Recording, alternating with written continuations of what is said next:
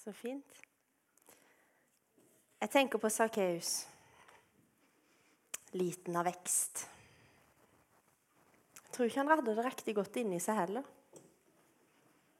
Han hadde gjort mye galt.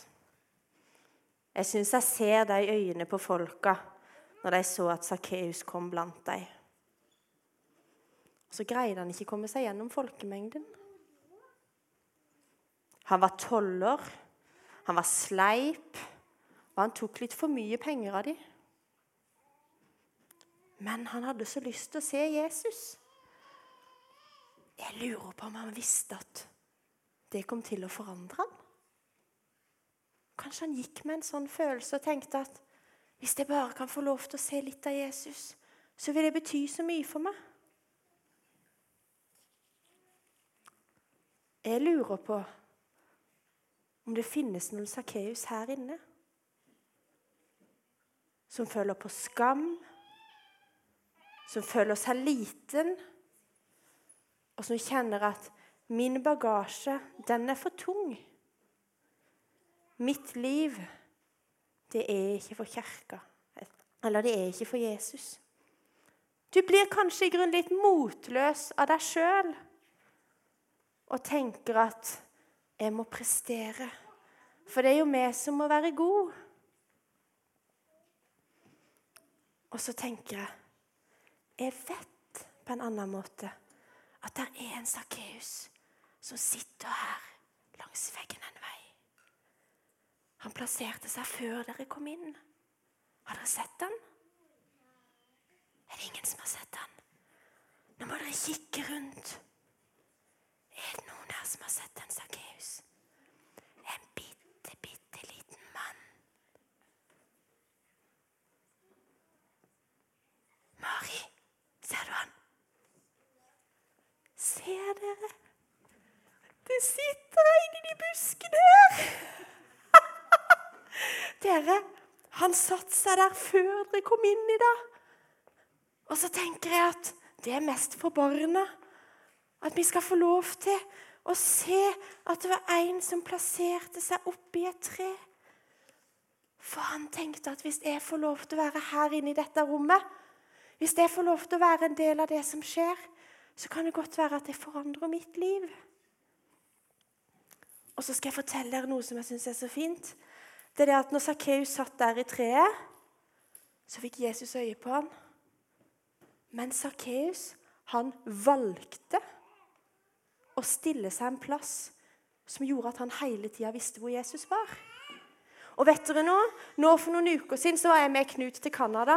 og Han konkurrerte der. Og Da var det bare meg og Knut. Og Vi ble kjent med noen andre, men vi hadde ikke med unger, vi hadde ikke med familie. Vi hadde ikke med noen ting. Og det var 350 utøvere. Men jeg kan si dere én ting. Uansett hvor Knut var hen der, så visste jeg akkurat hvor han var. Jeg visste at hvis han hang i de der taua, så så han. Jeg visste at hvis han er midt i folkemengden der henne, eller midt med alle deltakerne som varmer opp, så visste jeg akkurat hvor han var.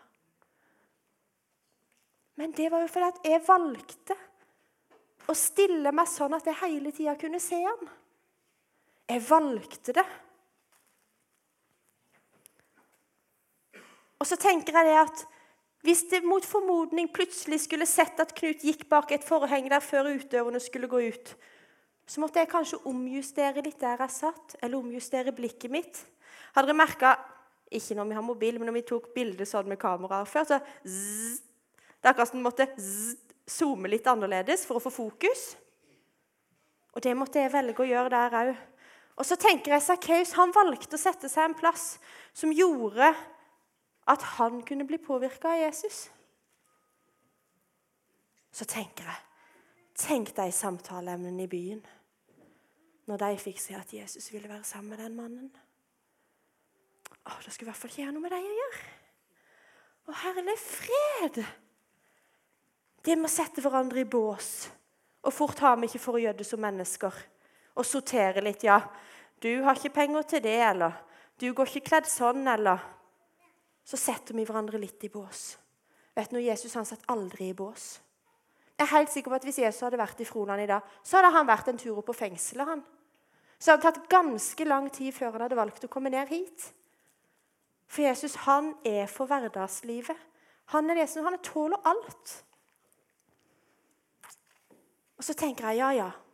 Åssen skal vi bli påvirka av Jesus, da? Vet du det som heter hverdagsrytme? Jeg var på leir nå for en stund siden. Vi var en hel haug på leir fra kirka.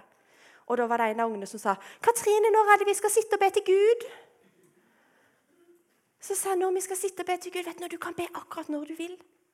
Og det handler ikke om at du skal sette deg ned med Bibelen, og så må du sitte der i to timer, og så skal du be, og så skal du lese, og så skal du kjenne det. Nei, det handler ikke om det. For du skjønner det, at det handler om en rytme. Og en rytme Nå spiller ikke jeg trommer, men en rytme det er noe som går. Og det er noe som går jevnt. Og det er noe som går uansett. Du vet sekundviseren på klokka. Den går jevnt og trutt hele døgnet, den. Og så denne høsten så har vi snakka med ungene inn på Supersøndag. Så dette er litt repeat for noen av dere. Så har vi snakka noe med ungene på Supersøndag at hvilke rytmer kan vi ha i vårt liv som gjør at vi av og til bare zzz, stiller litt fokus? For det er jo det vi er nødt til å gjøre. Og så er vi nødt til å lære de rytmene fra vi er små. For de tingene vi lærer når vi er små, å sykle og svømme Vi kan kanskje spille noe blokkfløyte fra det vi har lært på skolen. Det sitter igjen. Så har vi snakka om den der sykebilen, og nå var ikke den gul. Det var den vi hadde. Men det er sykebil. Og vet du, Til og med Lea mi på tre år Når hun ser en sykebil, sier hun 'Mamma, be for de som jobber i den. Be for de som ligger i den. Be for familiene til de som ligger i den, og be for legen', sier hun. Det er en rytme. Det er travelt i Oslo, det. Det er ikke like travelt alltid i Froland, for der kommer ikke like mange. Og den rytmen de lærte nå sist er det noen som ser hva dette er? Det er niste. Jeg vet ikke hvor mange av dere som smører niste. Men jeg vet at mine unger, når de våkner om morgenen, så står det en nisteboks på benken. Så skal de putte nista oppi. Så kan de si 'Takk, Jesus. Takk for at du skal være med meg ut i dag på skolen.' kan de putte den i sekken. Så kommer de på skolen. 'Hei, vi skal spise niste.' 'Takk, Jesus. Takk for vennene mine.' Ferdig med å spise.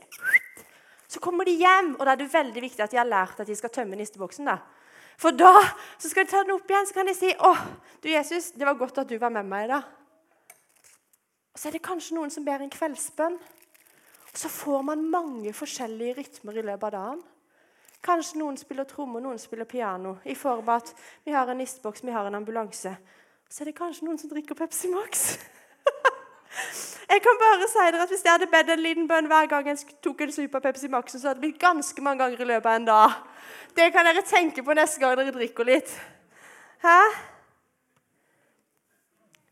Bli påvirka av det du snakker om, Katrine. Hvilken måte er det? Jo, du så at når Sakkeus valgte Jesus, så fikk han et behov for ordne opp. Han fikk et behov for å være dobbelt så snill med de som var rundt seg. Han fikk behov for å ordne opp. Jeg vet noe, jeg har hørt om folket som har tilbringt tid med Jesus, hadde blitt mer glad i å være sammen med andre folk enn det de var før. Jeg har hørt om folk som har kjent at du vet du noe, etter jeg begynte å tilbringe tid med Jesus, så kjenner jeg at jeg har noen mennesker i mitt liv som jeg må tilgi.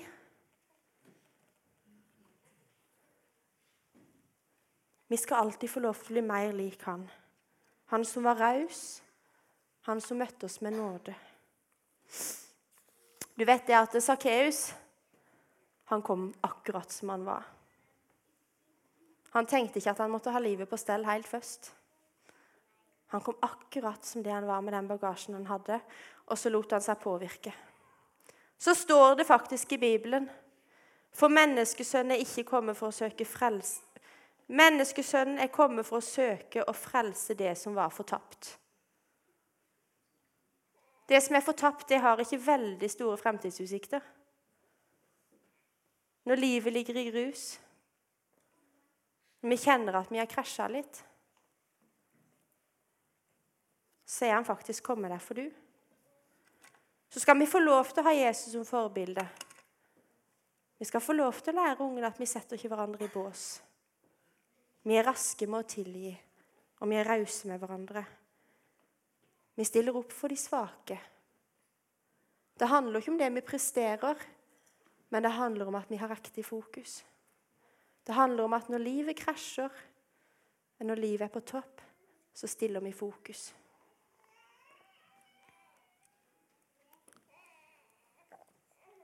Det var en som kom med to fisk og fem brød i Bibelen til Jesus. Og så fikk Jesus lov til å velsigne det. Og jeg tenker at det er sånn det er. Det er sånn det er å leve sammen med Jesus. Da kan vi få lov til å komme som vi er, med de gaver og talenter vi har. Og så kan Jesus få lov til å velsigne det. Kjære Jesus, jeg takker deg for at du er her sammen med oss. Og så takker jeg deg, Jesus, at du ser ikke til det ytre, men du ser inn til hjertene våre, Jesus. Jeg takker deg for at uh, du er en som sier vi kan velge det. Du er en som sier 'Kom, for mine armer, de er åpne'. Jeg takker deg for at du har lyst på relasjon med oss. Du har lyst til å være en del av hverdagen vår uansett hvordan livet vårt ser ut, Jesus. Jeg takker deg for alle barna her inne.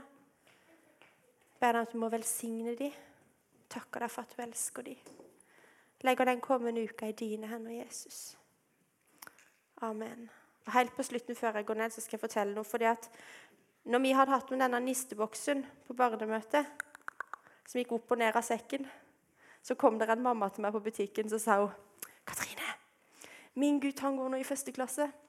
Og han, han sa til meg i går, 'Mamma, eh, det er litt privat, det jeg skal prøve på nå.'